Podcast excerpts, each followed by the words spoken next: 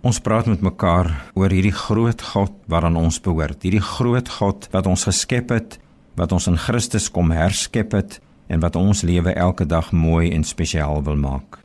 Daar's 'n pragtige versie in 1 Petrus 5 wat ek vir julle wil lees. Dit begin by vers 6. Onderwerp julle daarom in nederigheid aan die kragtige hand van God, sodat hy julle kan verhoog op die tyd wat hy bestem het. As ek hierdie versie in gewone Afrikaans moet oorsit, dan staan daar: skuif onder God in. Skuif onder God in. Vers 7: Werp al julle bekommernisse op hom want hy sorg vir julle. Vers 8: Wees nugter, wees wakker. Julle vyand, die duiwel, loop rond soos 'n brullende leeu op soek na iemand om te verslind.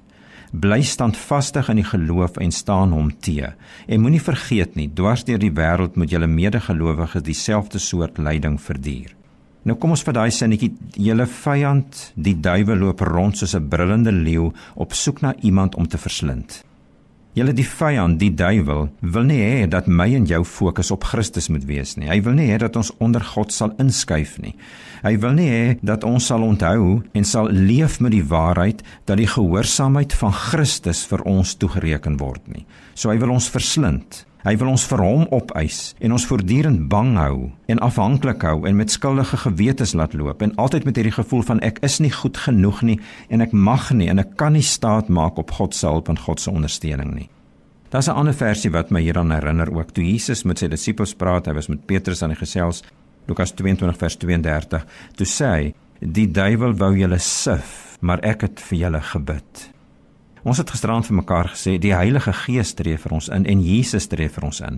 So nou is die vraag, waar's jou fokus? Is jou fokus op die brullende leeu of op die siftende Satan of is jou fokus op Jesus wat vir ewig lewe om vir ons in te tree? Ek en jy te keuse. Hy wil in Christus vir ons kom help. Hy gee vir ons sy Heilige Gees om vir ons in staat te stel om telkens ons fokus weg te vat.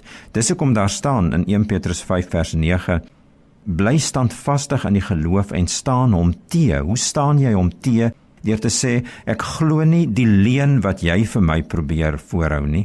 Ek glo die waarheid en ek hou vas aan die waarheid dat Jesus vir my intree en dat sy gebed en sy teenwoordigheid en sy krag en sy almag waarmee hy in my is en in jou is sal vir my en vir jou staande hou en vir ons oorwinnend laat lewe.